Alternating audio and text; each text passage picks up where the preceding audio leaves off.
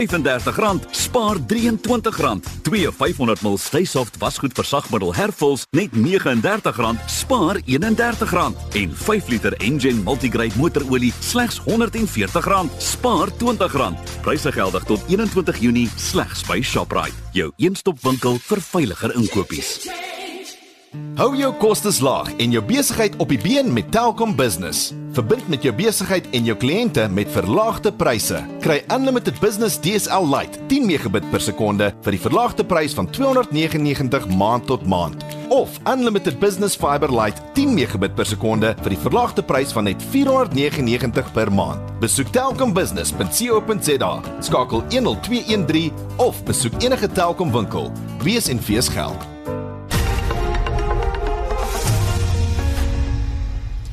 Dis nou 6 minute oor 1. Welkom terug by uh, Spectrum. Die DA sê die party is steeds bekommerd oor die departement van gesondheid se skynbare versuim om 'n doeltreffende en funksionele noodmediese diens aan pasiënte te verskaf.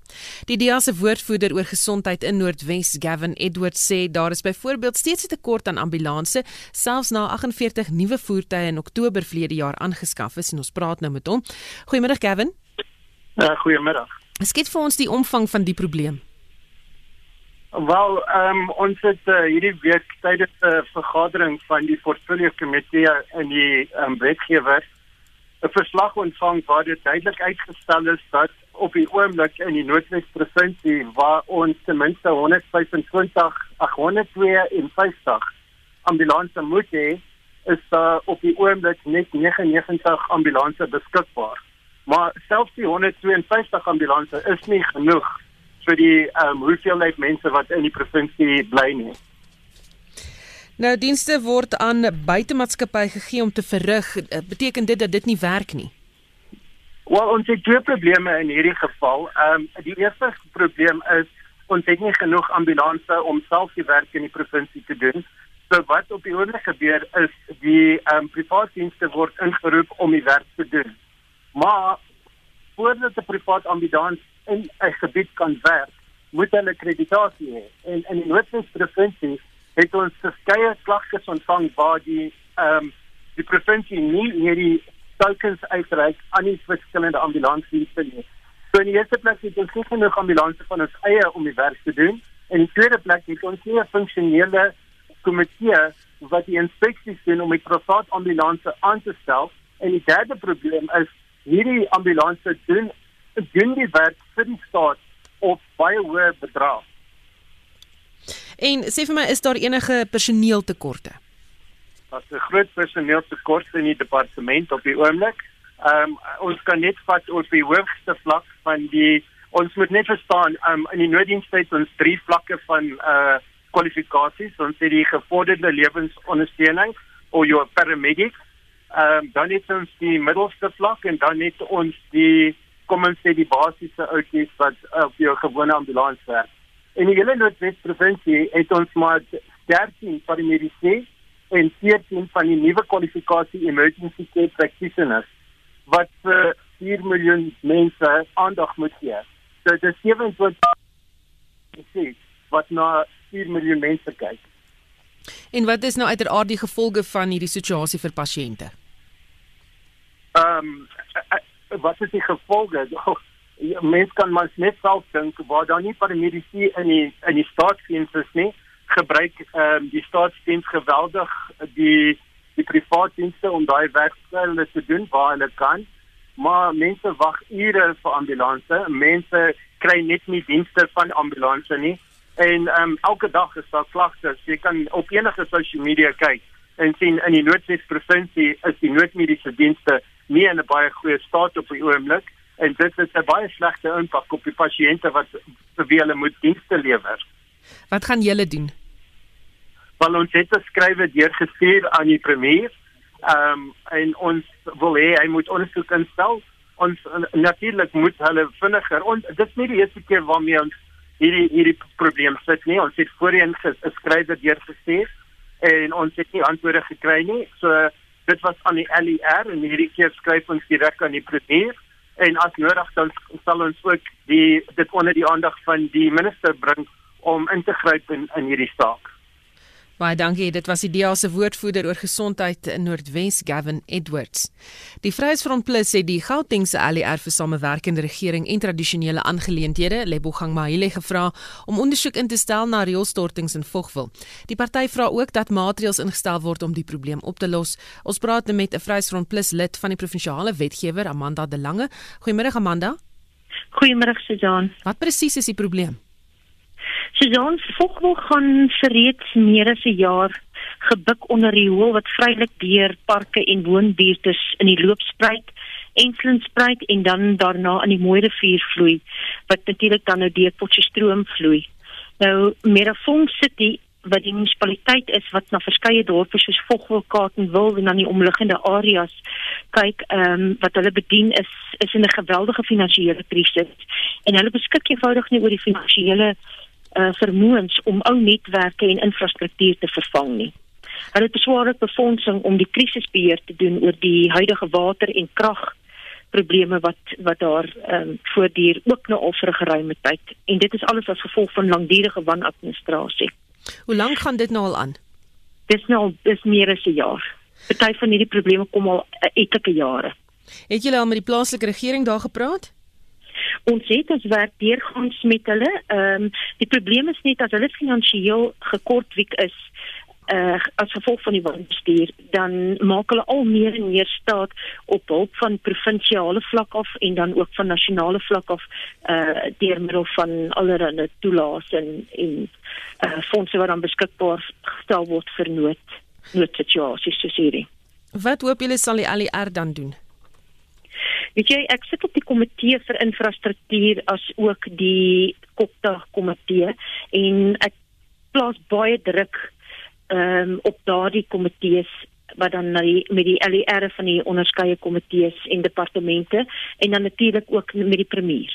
So ons voer dit deur hulle veral in hierdie tyd wat ons die, die COVID pandemie het. Jy weet, rou riool wat deur die party mense se erwe loop dieselfde as wat ons by Infuleni ondervind. Uh maar hoe verskriklike groot uh, krisisse met met besmettings en siektes en goed in. Maar ons kan dit nie op hierdie stadium bekostig nie. Ons kan dit eintlik dit behoort nooit so te wees nie. Want die druk raak al meer en meer op die belastingbetaler en hulle dienste raak al meer uh om munisipaliteite te onderhou wat wat eenvoudig nie hulle werk hulle werk doen nie. Baie dankie, dit was 'n Vryheidsfront Plus lid van die provinsiale wetgewer Amanda De Lange. Die Educators Union of South Africa of USA en ander gemeenskapsgebaseerde organisasies het vanoggend voor die Amerikaanse ambassade betoog in solidariteit met die beweging Black Lives Matter. Daarna het hulle na die Unie gebou beweeg waar 'n memorandum aan president Cyril Ramaphosa oorhandig is. USA dring daarop aan dat die minister eh, die of eerder die president die minister van basiese onderwys Angie Motshega afdank omdat sy die skole te midde van die COVID-19 pandemie heropen het. Ons praat nou met die nasionale woordvoerder van USA, Kabelo uh, Maglombo Uh, good afternoon, Kabelo. Uh, greetings, greetings. Why is USA supporting the Black Lives Matter movement in education? What does it represent for you? Please wait. Your call has been placed on hold. Lyk vir my as daar effens 'n probleem met uh, sy lyn en uh, kom ons kyk of ons hom weer kan terugkry op die lyn en voor ons daai gesprek voorsit kom ons luister na sommige leerdlinge se ervaring van die afsonderingsperiode en die terugkeer na die skool toe. Well, I'm experiencing the COVID isolation and the schools reopening very stressful actually.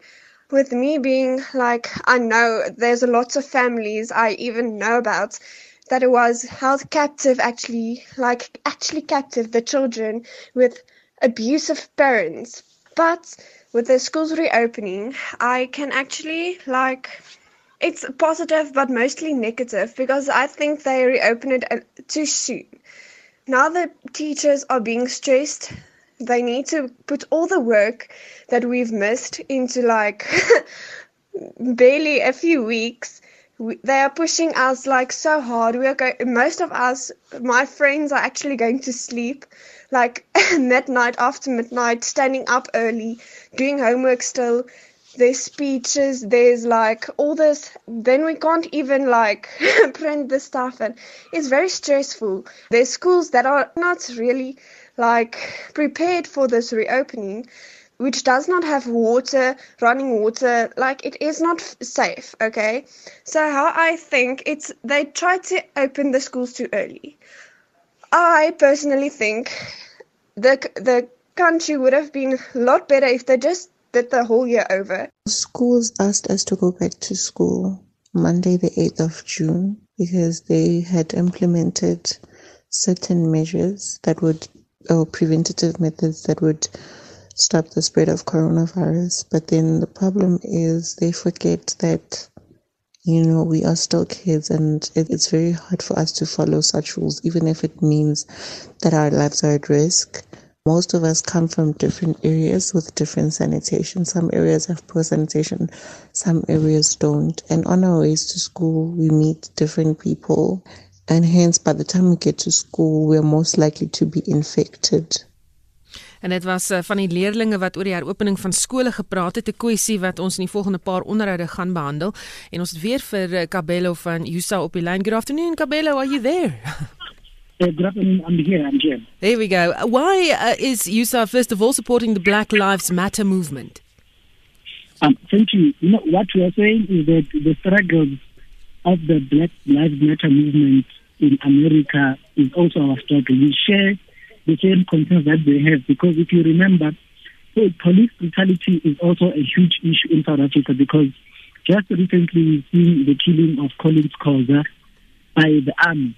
So the difference between us and them is that they have a black, a white government, and we have a black government. But whatever that they are fighting about, the rights that they are fighting for their their rights to be uh, observed, is what we are also fighting in South Africa, and we really support them. And we think that the struggles of all the people, the ordinary people in the world, must be the same, so that we hold all of these governments accountable at the same time. Right, last week your urgent court application to have all schools closed um, failed, but uh, you have now appealed the matter. Yes, actually, what happened is that the judge said our matter is not urgent, and then gave us the reasons which we don't understand. Because she said it's not urgent because we have not uh, joined the Minister of Culture as well as the President in the matter. But that is despite the fact that we had said we are not challenging the lockdown regulations or uh, the Disaster Management Act. We were against the reopening of schools in a manner that it is because we said school education must continue in a manner that does not endanger the lives of learners and teachers. So we had been, we had actually written to the judge, to the court, to so that we can be sure of the facts and the reasons what the judge is saying. And we can tell you that it's been over a week now. They have not even responded to us. They are refusing to us a written judgment because they know that their judgment was politically motivated. It has nothing to do with our case. That is why today, uh, yesterday, we submitted a court appeal. We are going to appeal the judge position to, uh, to, to, to, to declare our matter not urgent, regardless of the fact that the lives of children and especially teachers are in danger. This morning, you handed over a memorandum to the president. Um, you are asking that the minister Motsega should be sacked. Why? Minister Elena has reached her expiry date. Actually, she is not even uh, capable of leading basic education. We cannot have a person that wants to kill us lead education. Uh, just for the mere fact that we can see the whole world is witnessing, especially South Africa, that she's committing a genocide. She's deliberately, deliberately killing innocent children and teachers by sending them to unsafe schools. I mean, if you look at just one week of schools reopening, over 50 schools in Gauteng had to close because uh, of COVID-19 cases. And if you remember, Gauteng was one of the provinces which they were bragging about, saying it's more ready than all other provinces. In the Western Cape, we have more than 2,000 uh, people that have tested positive since uh, the reopening of these schools. So we see clearly that this minister does not have the interest of leading us. She is also useless because she's not even capable. She does not have ideas on how to take forward our education. She's ignoring primary stakeholders and she's very old. She's due actually for also her pension. So she must just leave. We want a younger minister who has ideas, who is eager to lead us, who is also energetic. Because as long as we are going to have uh, Gogo Angelina Motera, we are not going to see any progress in education. And we are saying to President Ramaphosa, we actually are giving him a chance to lead us. Uh, we are fine with his, with his leadership. But as long as he's going to allow his ministers to act like criminals and do nothing, we are going to end up actually revolting against him as well. En dit was die stem van die nasionale woordvoerder van Yusa Kabelo Mahlombogwane. Minstens 65 skole in Gauteng en 7 in die Vrystaat moes reeds verlede week gesluit word na hulle positiewe gevalle van die koronavirus aangemeld het. Graad 7 en 12 leerders het verlede maandag vir die eerste keer teruggekeer skool toe na die skole in Maart weens die pandemie gesluit is. Die Gautengse premier David Makura het Vrydag gesê die provinsie hou die situasie fyn dop om te bepaal of nog leerders op 6 Julie kan terugkeer skool toe as deel van die regering se fasebenadering. Hy sê elke skool waar positiewe gevalle aangemeld is, is gesluit en ontsmet. En ons praat nou met die uitvoerende hoof van die Suid-Afrikaanse Onderwysersunie Chris Klopper. Goeiemôre Chris. Goeiemôre. Goeiemôre ook aan die luisteraars. Spreek onderwysers spesifieke kommer teenoor julle uit oor vrees om met COVID-19 besmet te word omdat hulle weer skool hou? Kyk, die realiteit is is dat ons moet leer om met die met die virus om te gaan. En om elke keer 'n skool vir 14 dae te sluit sal doodgewoon net nie deeg nie. Um as jy kyk na die sogenaamde standaard um bedryfsprosedures wat deur die um, departement van basiese onderwys bekend gemaak is, is dit doodgewoon dat 'n mens moet doodgewoon van tyd tot tyd kyk na wat die risiko's is en dat die skool miskien dan vir 'n dag of twee gesluit is, dat 'n mens die risiko's bepaal en dat 'n mens van daar af dan die, die verder bepaal of die skool gesluit kan word al dan nie. In die groter konteks van sowat 23000 openbare skole, is die skole wat sedert verlede week weens positiewe gevalle um, of getalle van of ja, gevalle van COVID-19 gesluit is min, maar kan ons verwag dat dit sal vermeerder? Kyk, op hierdie stadium is daar ongeveer 100 skole wat gesluit is en dat ehm um, mense sal moet kyk presies wat die risiko is Maar die lang en die kort is is dat 'n mens kan nie net elke keer die skool vir 14 dae sluit nie. En om dit vir 14 dae te sluit gaan doodgewoon net nie deug nie. En wat ek daarmee bedoel is is dat dan gaan doodgewoon net te veel um onderrigtyd ver verlore gaan. En ek kan 'n mens nie dit as as 'n gegeewe aanvaar dat die skool sal sluit en um ons aanvoeling is is dat um jy sal kyk na wat die um die risiko is. Daar sal gekyk word na die kwessie van miskien 'n 2 of 'n 3 dae sluit. Kyk wat die oorsprong is en van daar af dan verder bepaal wat wat hoe dit verder gaan. So daar is opsies. Jy weet leerders kan nie nie skool gaan nie. Daar is ander maniere. Daar is daar is ander maniere. Ons kyk na 'n aanlyn model. Verskeie skole het al die aanlyn model gevolg met groot sukses, maar dit gaan gepaard ook met 'n um, ehm, groot ont opoffering van van opvoeders. Um en en wese kan 'n mens sê dat dit gaan gepaard met 'n uh, 'n dubbel lading vir opvoeders.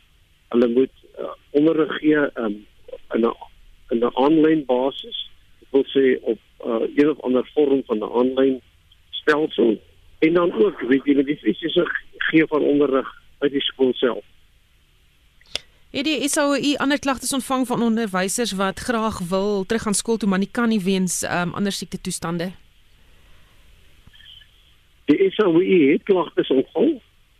En veral die opvoeders ouer as 60 jaar. Ehm um, daar word nou vereis van tyd tot tyd deur verskillende onderwysdepartemente dat 'n vrywaringsvorm geteken word. Ons dink dit is nie billik dat dit verwag word van opvoeders nie. En die rede is doodgewoon dat 'n ou dat 'n persoon ouer as 60 jaar is nie noodwendig ongesond nie, het nie noodwendig ehm um, die onderliggende siekte toestande nie. En ons aanvoeling is is dat daai persone moet op 'n billike wyse hanteer word en nie op die wyse wat dit tans verwag word dat daai persone 'n vrywaringsvorm moet teken.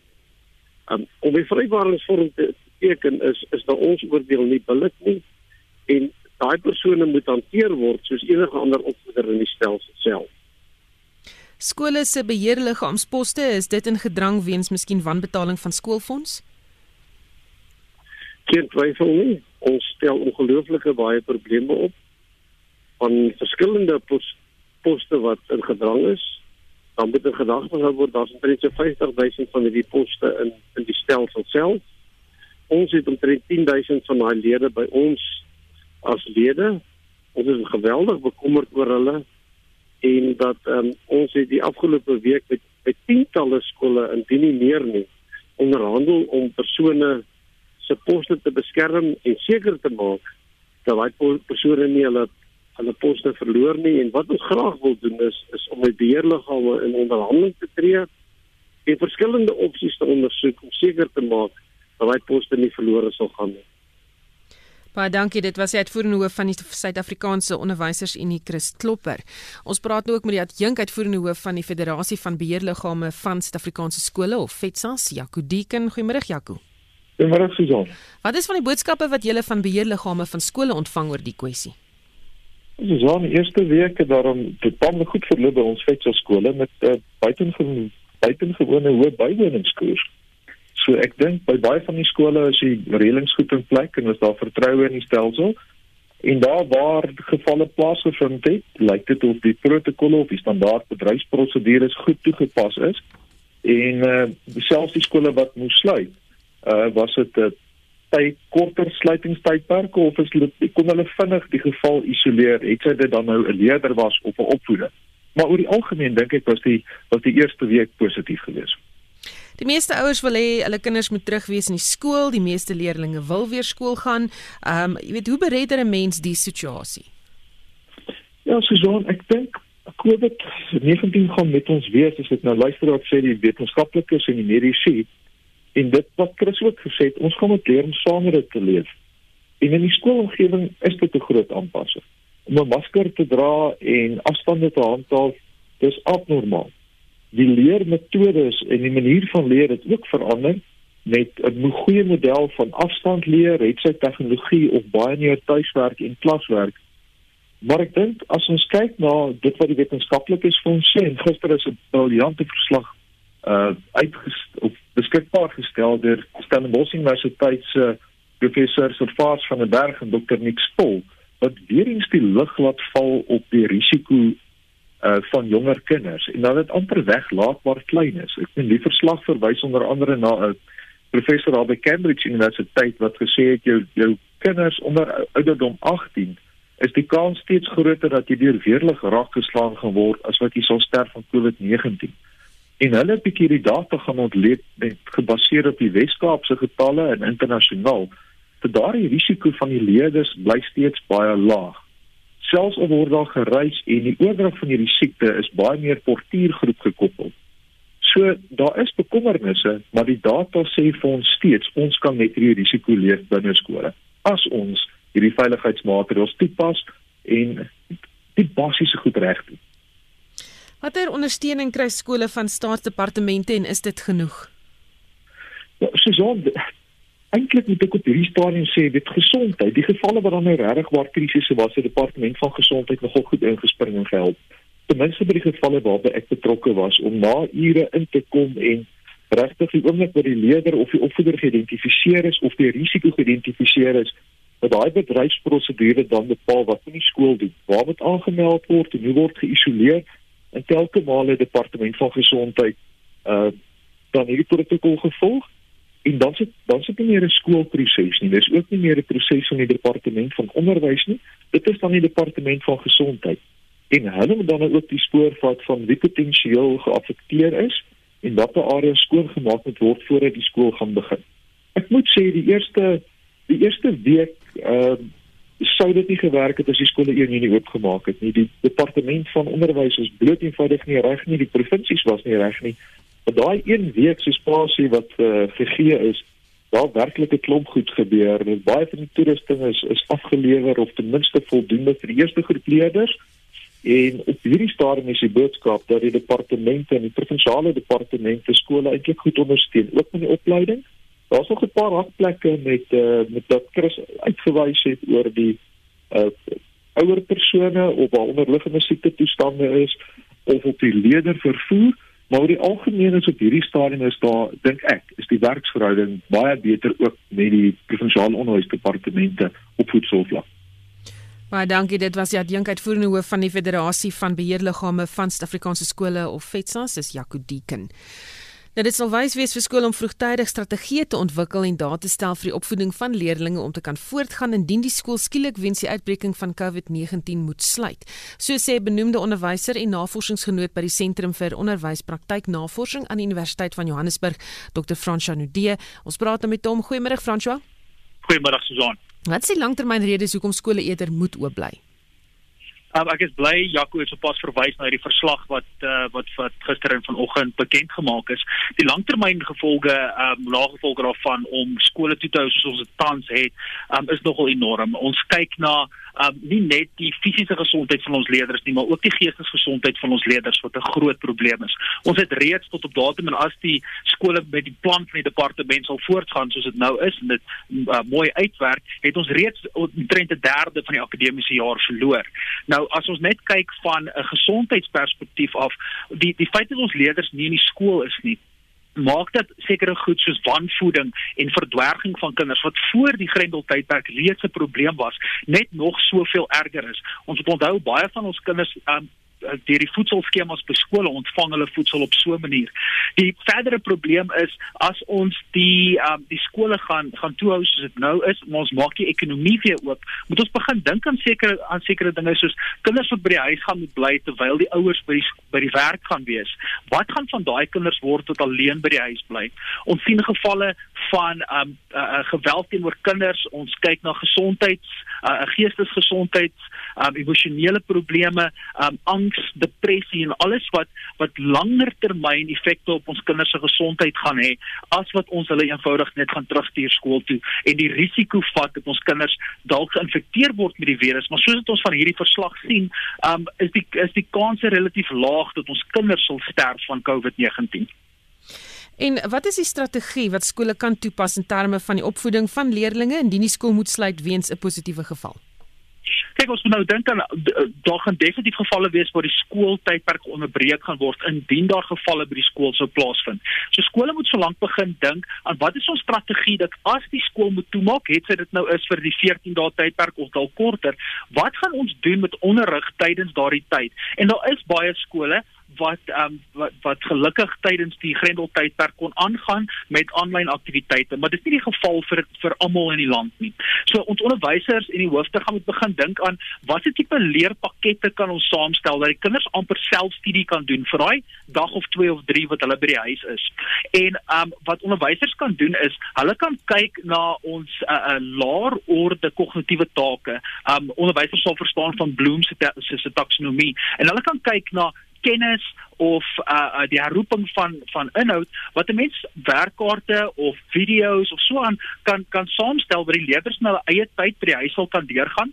Maar die tyd wat jy eintlik by die skool is dat ons daai tyd gebruik vir probleemoplossing vir um evaluasie weet daai tipe goed waar die kinders meer vaardighede leer en dit in in, in die teenwoordigheid van die onderwyser Hoe belangrik is dit dat kinders onderrig word deur opgeleide onderwysers veral in vakke soos wiskunde en tydens die grondslagfase? Dink vir te lank het ons onderwysers gesien as amper weet tweede tweede rangse burgers van die land.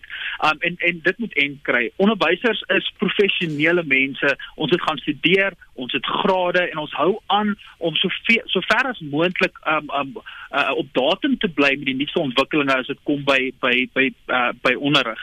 So dis baie goed en ek dink tydens 'n krisis is dit eh, het baie goed gewys dat ouers kan hulle eie kinders onderrig, maar ek dink nie daar sal een ouer wees wat vir jou gaan sê, weet jy wat, ek dink onderwysers se werk is maar onnodig nie. Kom ons gaan aan en ons hou aan om ons kinders skool te gee by die huis.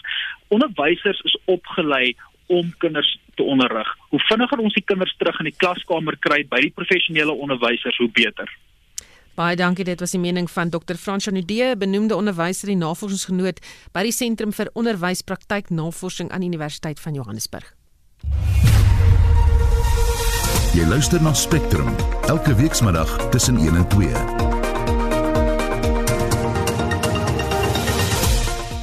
En in is die Educators Union of South Africa of USA en ander gemeenskapsgebaseerde organisasies eis dat president Cyril Ramaphosa die minister van basiese onderwys Angie Motshega afdank omdat sy die skole te midde van die COVID-19 pandemie heropen het. En net die naastedelike boerdery neem toe in Suid-Afrika.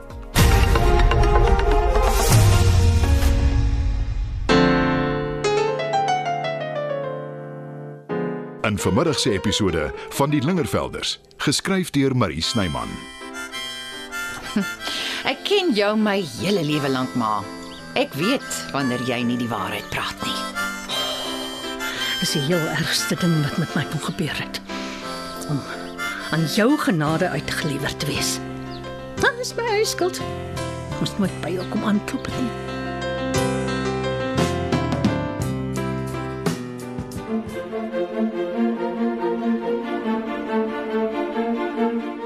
Grendeltyd het baie dinge stadiger en moeiliker gemaak.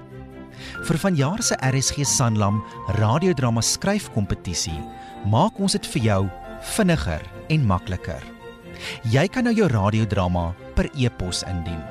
Stuur net jou teks en inskryfvorm na radiodrama@rsg.co.za. Dit is radiodrama by rsg.co.za. Die sluitingsdatum is Vrydag 31 Julie. Die nuwe handleiding wat die inskryfvorm insluit, is op RSG se webblad by rsg.co.za onder wat gebeur. Sterkte en lekker skryf. Bykans 13:37 jy luister na Spectrum. Brandstofpryse sal na verwagting in Julie weer styg soos wat die olieprys versterk. Die Outomobielassosiasie voorspel dat die prys van petrol met tot R1.59 per liter sal styg en diesel met R1.48 per liter. Ons praat nou met Dr. Chris Harmse van Rebalance Fondsbestuurders. Goeiemôre Chris. Sê aan maar luisteraars. Hoe lyk oliepryse op die oomblik? Uh, Susan dit is maar rondom uh, 40 40 dollar vat. Uh, wat dit beweeg. En met ander woorde 'n groot gedeelte van hierdie maand het ons sommer daar met meer daar rond gesien. En sê vir my, hoekom versterk dit? Wel die groot rede was natuurlik uh, onthou in Maart in Februarie en Maart was die eintlike sterk inkrimping in ekonomiese aktiwiteit oor die wêreld vliegtye het opgehou vlieg. Uh so met ander woorde was nie meer 'n vraag na na brandstof nie. Uh, en natuurlik dan was daar ook natuurlik so 'n bietjie 'n 'n 'n prysoorlog onder die uh, verskaffers in die kartel van die olie op die mark. En dan dink ek die kombinasie van die twee het veroorsaak dat uh, oliepryse gedaal het tot 22 dollar. Daarna het natuurlik die ekonomie begin oopmaak, ja. Selfs vliegtye vlieg nou meer, mense begin met karre ry. Uh daar's begin 'n groot vraag ontstaan en die uh, lande het ooreengekom om 'n bietjie produksie te sny. En dit het veroorsaak dat ons nou die stygings gekry het na 40 dollar. En dan diesel, is daar steeds 'n tekort? Susan dit lyk so, uh dit, dit dit is so dit is asof daar as dit of asof dit amper weet is 'n storie is wat rondloop. Uh die DA se Kevin Mileham het uh al van verlede week af begin sê en oor die naweek ook dat hier kom 'n groot skaarste aan um, diesel in in in veral Gauteng en in die Vrystaat want hy reken daar was 'n uh, redelike diefstal gewees van die parte van die die pyplyn tussen Durban en Gauteng en dat die pyplyn uh, soos ek het ook almal verstaan nie werk nie. Ek kan nie die storie bevestig nie. Uh en dat dit lyk asof dit gaan wees dat ons al volgende week 'n groot tekort gaan kry. In diesel in die binneland en hy maak natuurlik nou 'n uh, aanspraak dat um, Mr. Gwynnie Matasha nou moet kom uh om te sê of dit nou so is of nie. Uh so dit kan nou wees dat dit nie noodwendig die storie waar is nie. Uh maar dit as dit waar is en dis kom tot 'n stilstand gaan ons groot skade veroorsaak. Ons het dan ook verlede week gepraat oor die rand wat Woensdag in New York op 16.63 toe die dollar gesluit het. Dit nadat die Federale Reserve Raad aangedui het dat hy nie rentekoerse in die FSA sal verhoog voor 2022 nie. Saak het egter weer verander. Wat het gebeur? En terselfdertyd met daardie uh, aankondiging uh Susan het hy ook gesê dat hy verwag Amerika se ekonomie gaan nou in 'n baie dieper resessie ingaan en hy verwag ook dat hier gaan weer 'n uh, oplewing van die siekte wees. En inderdaad, as hy inderdaad reg. Uh ons het begin sien veral vanaf donderdag Vrydag groot verhogings in die besmetting reg oor die hele wêreld weer. En dit natuurlik het beleggers op die op die op die markte uh weet uh, uh, uh, baie negatief gestrem van verlede donderdag af daar was 'n groot skaalse verkoping van aandele op uh, die Amerikaanse beurs 8% in een in 'n halwe dag wat daai beurs geval het. Uh en van wie daai onsekerheid van uh as Amerika dan nou nie rentekoerse verder gaan verlaag nie, aan die een kant beteken dit ek nie gaan baie langer in 'n resessie wees. Terselfdertyd stamp uh, Jeremy Powell met nou kop met uh um president Trump, president Trump het 'n paar verklaringe gesê hy sê negatiewe rentekoerse, hoekom nou nie? Hy reken as tog lande in Europa en so voort wat baie suksesvol uh in Japan ook negatiewe rentekoerse kon hanteer. Ek dink daar so 'n bietjie uh 'n verskil tussen die twee. Um, en en um, so ons ons kry toe natuurlik al daai negatiewe effekte. Hierdie ouens begin om weer goud te koop, goudpryse begin styg en wat natuurlik dan nou die begin uh, onttrek uit op komende lande soos Suid-Afrika. Hulle het ons definitief ons aandele verkoop, definitief ons staatsefekte verkoop. Ons aandele besig baie sterk teruggesak het weer 2000 punte na twee dae en ons kapitaalmarkkoers het redelik sterk weer begin te styg, soos wat natuurlik ons staatsefekte verkoop is. Net om weer vanoggend en gister die teenoorgestelde te kry, waar president Trump amper weet hoe wil tong uitsteek vir die Federal Reserve Raad sê goed as jy dan nie wil luister nie dan gaan ek die ekonomie sommer nou weer stimuleer met 'n verdere met a, met 'n verdere ehm um, uh ehm um, 'n uh, 'n verdere trojie gaan ek sommer maar uh, in die ekonomie inpomp en dan gaan infrastruktuur bebou bou en dit uh, ons verwag dat hulle is besig om dit te be, uh, te beplan en ons verwag ons wil ons gaan aankondigings daaroor kry met ander woorde enigins as dit tog lyk asof hierdie ekonomie terugsak dan dan stoot hulle net geld aan. Uh en wat gebeur vandag weer? Amerikaanse beurs is sterker op en ons rand is weer af, van sewe is sterker. Dis hier van 17 rand 324 vir terug na vanmiddag se 17 rand 16. So is 'n baie ehm um, ons het altyd gespeel met hierdie jou-jous op en af situasie wat ons nou sien. Want daar is nie, daar's onsekerheid. En solank as hierdie onsekerheid gaan voortdien, die uh, Suzan gaan ons hierdie onsekerheid op die rand sien, ons gaan onsekerheid dan op die petrolprys sien, ons gaan dan die onsekerheid op uh, geld en kapitaalmarkte sien en ons gaan uh, dit maak dit baie moeilik vir die reservebank dan self om dit reg te oriënteer. Baie dankie. Dit was die ekonom van Rebalance Fondsbestuurders Dr. Chris Harmse. Transnet pensionaars sal die hofsaak wat plaasvind op die 17de Junie teen Transnet en die pensioenfondse regstreeks deur 'n Zoom-vergadering kan volg. Die reëling is gemaak om pensionaars wat weens die COVID-19 pandemie nie kan reis nie, geleentheid te gee om die hofverrigtinge waar te neem. Ons praat nou met advokaat Anton Alberts van die Vryheidsfront Plus oor hoe dit gaan werk. Goeiemôre Anton. Goeiemôre Susanne. Wat verwag jy gaan gebeur tydens die hofverrigtinge? Ja, môre is eintlik die hofsaak waar die skikking oorweeg gaan word en waar diegene wat wel teen die skikking is, wat 'n klein groep mense is, um, hulle saak kan lewer, daar gaan 'n halfuur beskikbaar gestel word vir hulle en dan gaan die die regter daaroor besin. Ek is seker of die regter alreeds teen môre uh, uitspraak gaan gee nie, maar die saak van die skikking gaan wel dan in in um, uh, berekening geneem word en dan gaan daar uh, natuurlik 'n um, uitkoms moet wees en ek dink dit sal 'n paar dae wees na die verrigtinge môre. Wat interessant is is dat die verrigtinge môre alles virtueel gaan gebeur.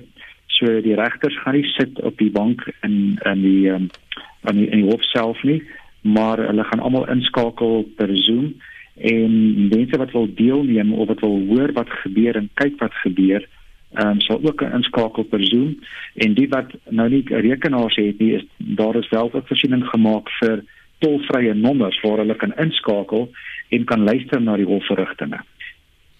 En Anton sê vir my, waar kry mense daardie skakels en telefoonnommers ehm um, sou hulle dit benodig?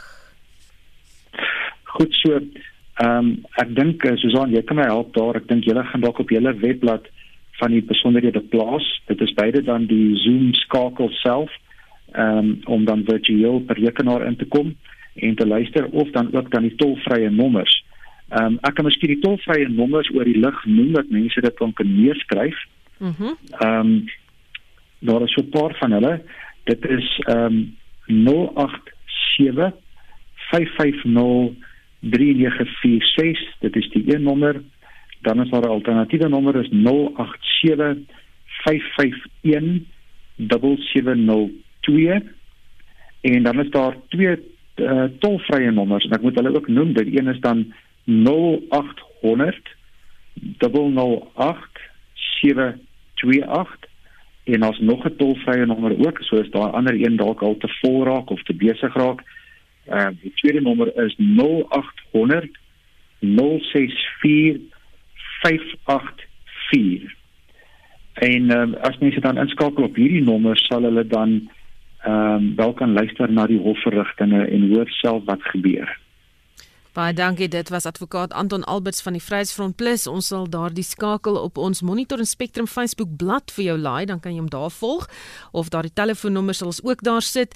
Net vinnig weer as jy nie 'n pen gehad het nie, 0875503946 is die een, 0875517702 is die ander nommer en dan die tolvrye nommers is 0800 008 728 of 0800 064 584 en ons sal op die Monitor en Spectrum Facebook bladsy sit dat jy dit daar kan uh, kry.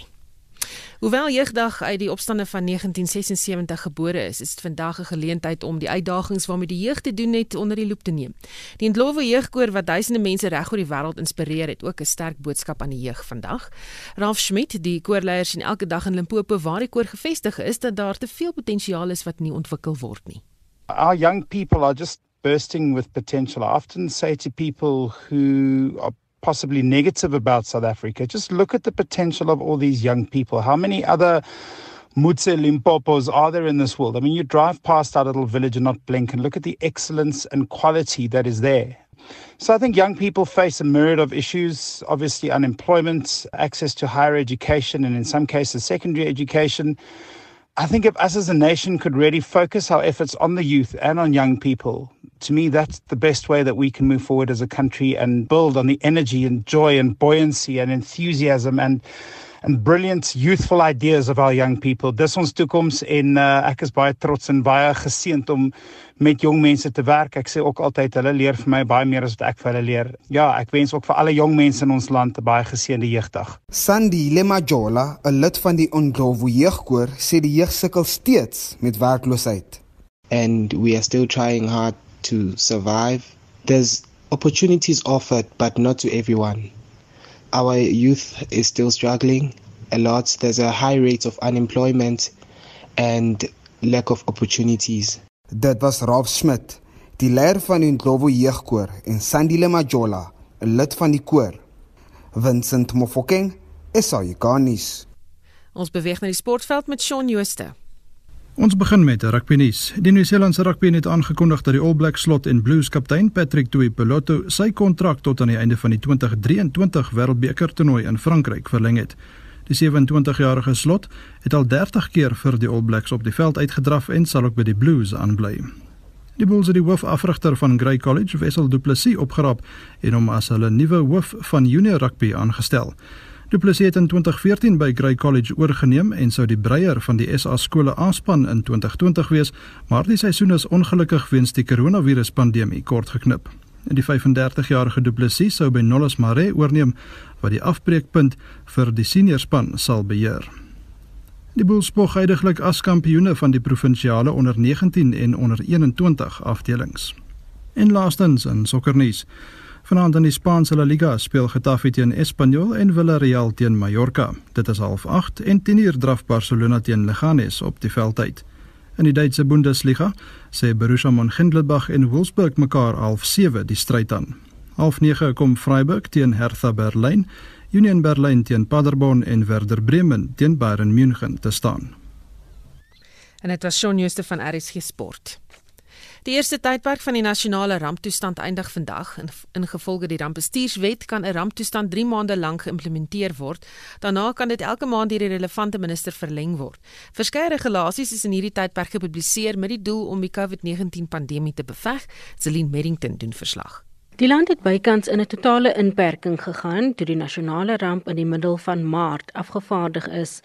Nadat die toegelate periode sy einde bereik het, het die minister in die presidentskap, Jackson Mthembu, aangekondig dat dit vir 'n maand verleng is.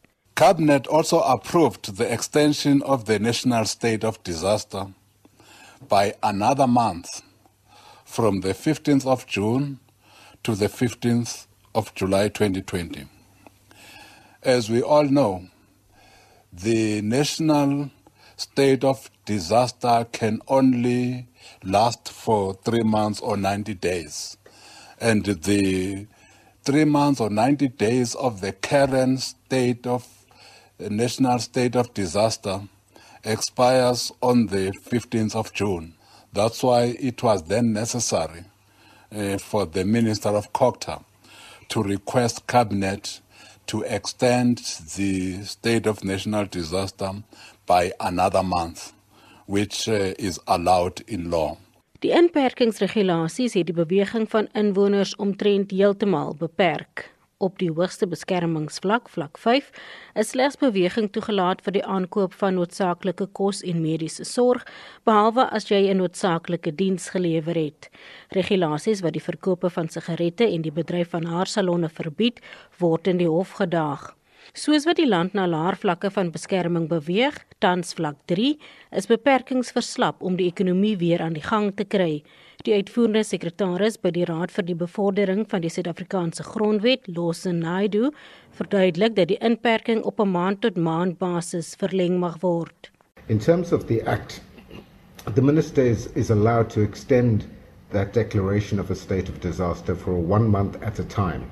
And it's important to note that no parliamentary approval is required for either the declaration of the state of national disaster or any uh, extension thereof uh, in the future. And this could potentially go on indefinitely because the Act does not state for how long a state of national disaster can endure. The current regulations that are in place could be extended by the Minister at the same time as she may decide to uh, extend the state of national disaster itself. In terms of the ruling by Judge Norman Davis in the Pretoria High Court, it has given government 14 days in which to uh, review, revise, and amend the impugned uh, regulations that were declared to be invalid and unconstitutional. Uh, the minister could, uh, simultaneously with the, with the extension of the state of national disaster, promulgate and gazette new regulations that are compliant with that court order. Dit was die uitvoerende sekretaris by die Raad vir die Bevordering van die Suid-Afrikaanse Grondwet, Lose Naidu, Zelin Merrington, Parlement. Die liggaam van 'n vrou is langs die Goue Hoofweg in die suide van Johannesburg gevind. Die vrou se hande was met 'n tou vasgemaak en sy is in 'n sak gestop. Volgens die Gautengse polisiewoordvoerder, luitenant-kolonel Kay Makubele, het voetgangers haar liggaam naby die BP Vulstasie in Freedom Park gevind. Vincent Mofokeng doen verslag. Daar was geen sigbare wonde nie en die omstandighede rondom die moord is tans onbekend. Aldus luitenant-kolonel Kay Makubele, die Gautengse polisiewoordvoerder. When the police arrived they found out that the body was tied hands and foot with a rope. We could not establish as to what was the cause of the death, but we are calling for anyone who might know how the incident happened and where to contact the police Makubele vra ook dat enige familielid wat 'n vermiste persoon soek, die Eldorado polisiestasie moet skakel. Intussen is 'n man Sondag in hegtenis geneem omdat hy na bewering Sondag 'n 42-jarige vrou in Pretoria in 'n ander saak vermoor het. Dit word as 'n geval van geslagsgebaseerde geweld beskou. An intelligence-driven information led to the arrest of the suspect for a murder of a 42 years old woman 14 June 2020 in Esteras in Tshwane.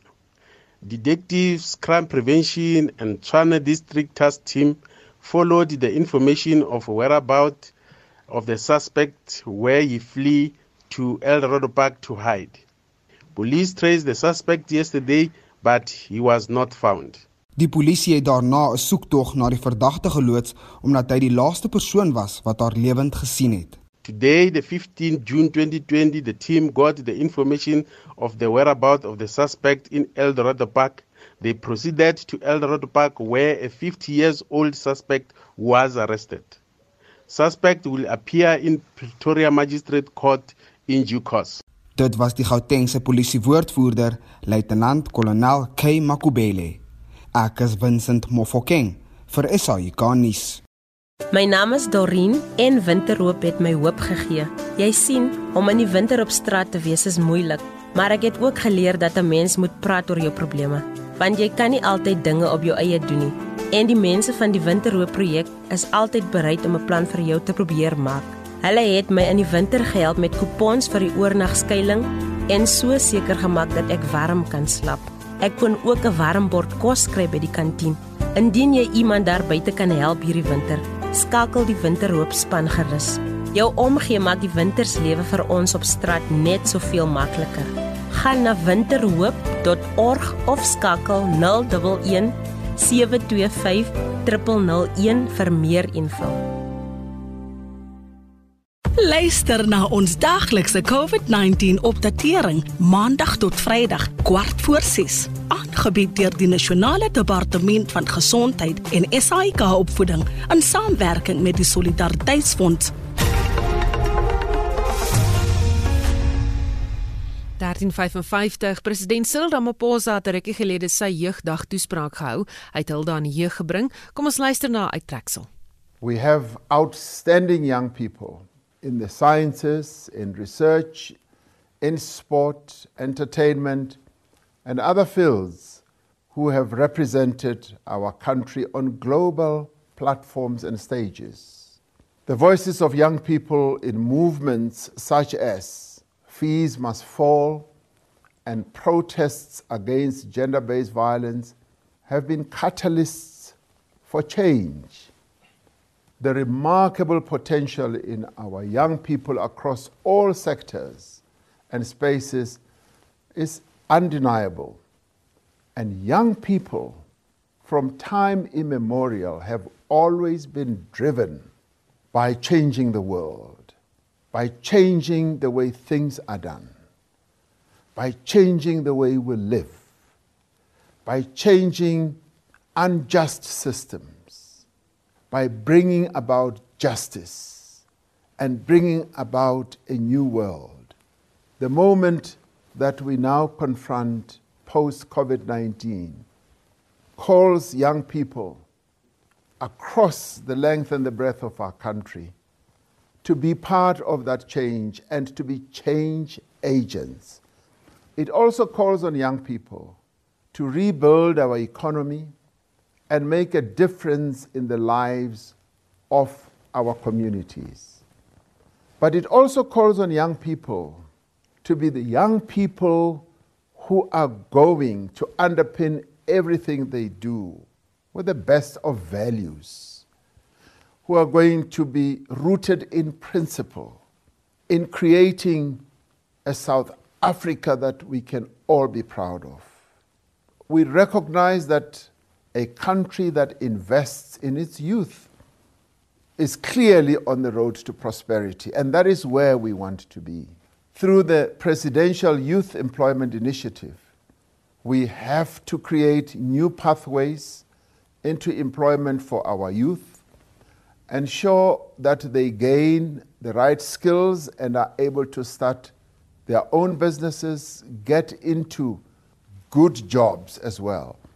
On this day that we pay tribute to the courage, the resilience, and the optimism of the youth of 1976, we also salute today's generation who are determined, who are focused, who are resolute, but who also have great hopes about their own futures and the future of our country.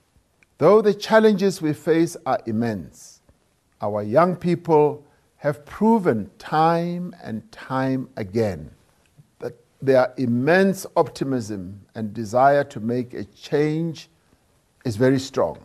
So I want to wish all our young people a happy Youth Day and call on you, the young people of our country, once again, to join us in the immense task of rebuilding South Africa and to making this country a place of peace, of equality and prosperity for all.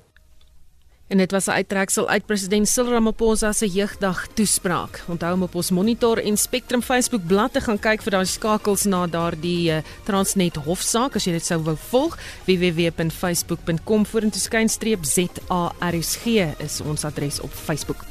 Dit was Spectrum met waarnemende uitvoerende regisseur en redakteur Hendrik Martin, produksieregisseur vandag Frikkie Wallis. My naam is Susan Paxton. Geniet jou middag.